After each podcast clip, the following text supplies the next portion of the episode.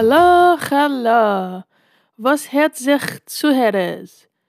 Du red Esther und das ist Avade Proste Jiddisch. A Podcast für alle, was lernen sich Jiddisch. Ich hab gehabt a kleiner Hafsocke, ein Ibereis und ich bin zurück mit neue Meises, neue Gäste und neue Jiddisch für euch. Wo bin ich gewesen? Die Woche bin ich gegangen auf a Chassene. Zwei Freunde haben a Chassene gehabt in a schönem Rayon, a paar von Melbourne. Der Sonne hat gescheint und es ist gewesen gut zu sein auf a Simcha. A chutztem bin ich gewesen in der Heim, auf a Sach Sitzungen, in die Gassen, und in Lektions lernen Jiddisch. Und wo seid ihr gewesen? Schickt mir eine Rekodierung, ich will wissen. In dem Episode will ich reden ein bisschen wegen euch. Was heißt? Ich will reden wegen was ich weiß wegen euch, die Zuhörers. Und wir wollen hören eine prächtige Rekodierung von der Gast, Tamara Mickner. Ihr seid great? Gut, lass mir hören ein bisschen Jiddisch. Proste Jiddisch.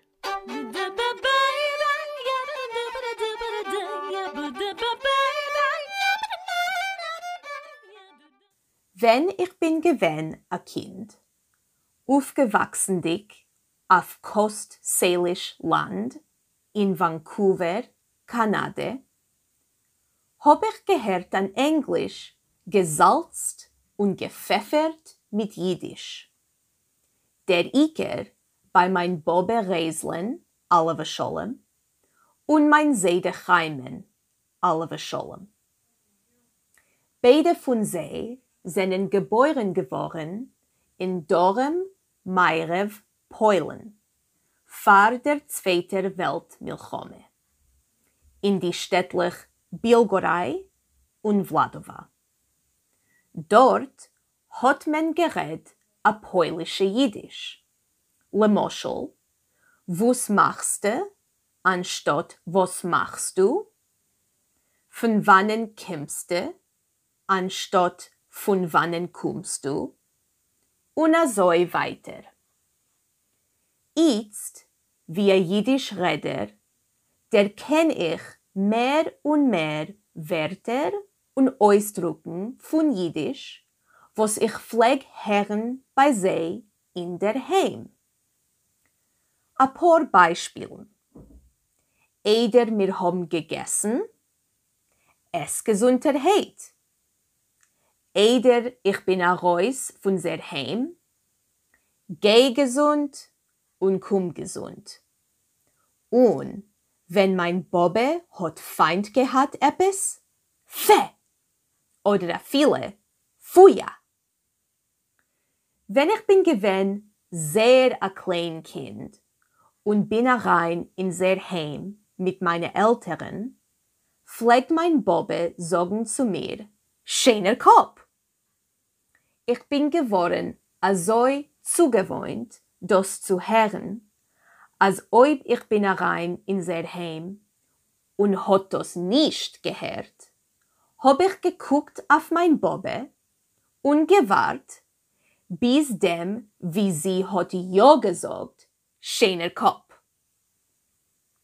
Für mir ist a große Masel, was ich hab gehört a bissel Jiddisch wie ein junger Mensch. Heutzutage wie ein Lehrerke von Jiddisch, hab ich stark lieb Herren, die alle ausdrucken und Wörter, was meine Talmidim gedenken von Serem Mischpoches. Es ist mamisch am Echaie. Die Sprach lebt noch als in uns.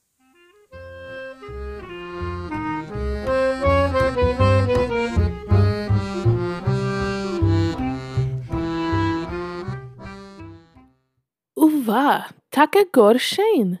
A dank sehr Tamaren. Hat ihr gehört Jiddisch in der Heim? Was er Wetter? Wenn ich bin gewesen jung, pflegt die Mama sagen euch Fe und Fuja. Und ein paar Prosterwetter, wenn etwas hat nicht gearbeitet euch.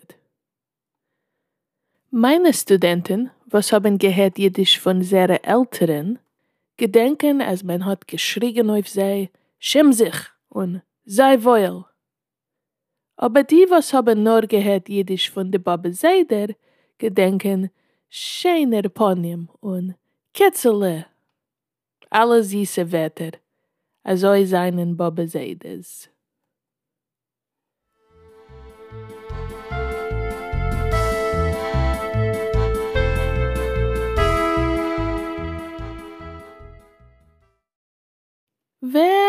Seid ihr?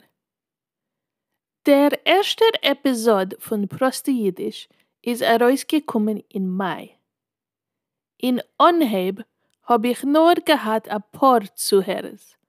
Aber die Zahl wächst und jetzt haben mehr wie ein tausend Menschen sich zugehört zu einer Episode. Nu, nicht kein großer Macher bin ich, aber ich freu sich. Und ich wundere sich auf die aller Menschen. Von wannen kommen sie? Wer seien sie? Ich hab gehört von Zuhörern durch dem Abschatzbeugen und durch Spotify, wo man kann antworten auf Fragen und Enquetes. Und ich hab euch die alle Statistik wegen die Zuhörern. Is, wer seid ihr? In welchem Land wohnt ihr? Knapp a Hälfte von allen Zuhörern wohnen in die Vereinigten Staaten. Und 8% wohnen in die Vereinigten Moluchas. Das heißt England, Wales, Schottland und Soffen Irland. Und noch 8% in Deutschland. Wir haben euch sehr sacht Zuhörer in Frankreich, Australien, Eretz Yisroel und Kanada. Ich verinteressiere sich allemal zu sehen, von wann die Zuhörer kommen. Es sind da Menschen, was hören sich zu zu meinem kleinen Podcastel in mehr wie 60 Ländern. Nicht nur in Schweden, Polen und darum Afrika, nur euch in Indonesien, Nepal und Palästina. Nicht zu glauben. Und was für ein Mensch hört sich zu zum Podcast? Kadei besser zu verstehen, hab ich gefragt durch Spotify, wie lang hast du sich gelernt Jiddisch? Die größte Zahl Zuhörer seien Anhebers. Die, was haben sich gelernt Jiddisch weniger wie drei Chedoshim. Beerich 35 Prozent haben sich schon gelernt Jiddisch zwischen drei und zwölf Chedoshim. Und es seien da auch Menschen, was lernen sich schon mehr wie ein Jahr. Das ist, versteht sich, nicht kein akkurater Forschung, aber es hilft mir zu verstehen ein bisschen wegen dem Eulam. Ich hab gehört von Zuhörern, was lernen sich Jiddisch in Jivo, in Universität und euch eine Sache, was lernen sich allein in der Heim. Und wie alt seien die Zuhörer? Laut der Statistik haben Srov Zuhörer zwischen 23 und 34 Jahren. Knapp 40 Prozent von euch seien in die Jahren. Nur 10 Prozent von die Zuhörern seien jünger vor 22 Jahren, aber beerch 20 Prozent seien älter von 60 Jahren. A Wade is man keinmal nicht zu alt zu lernen sich a bissel mammelischen. Nu, was meint ihr? Seid ihr ein durchschnittlicher Zuhörer? Jünger oder älter von dem Durchschnitt? Ich hoffe es, das ist gewesen euch ein bisschen interessant und ich bin allemal neugierig zu hören von euch und lernen sich mehr wegen die Zuhörers.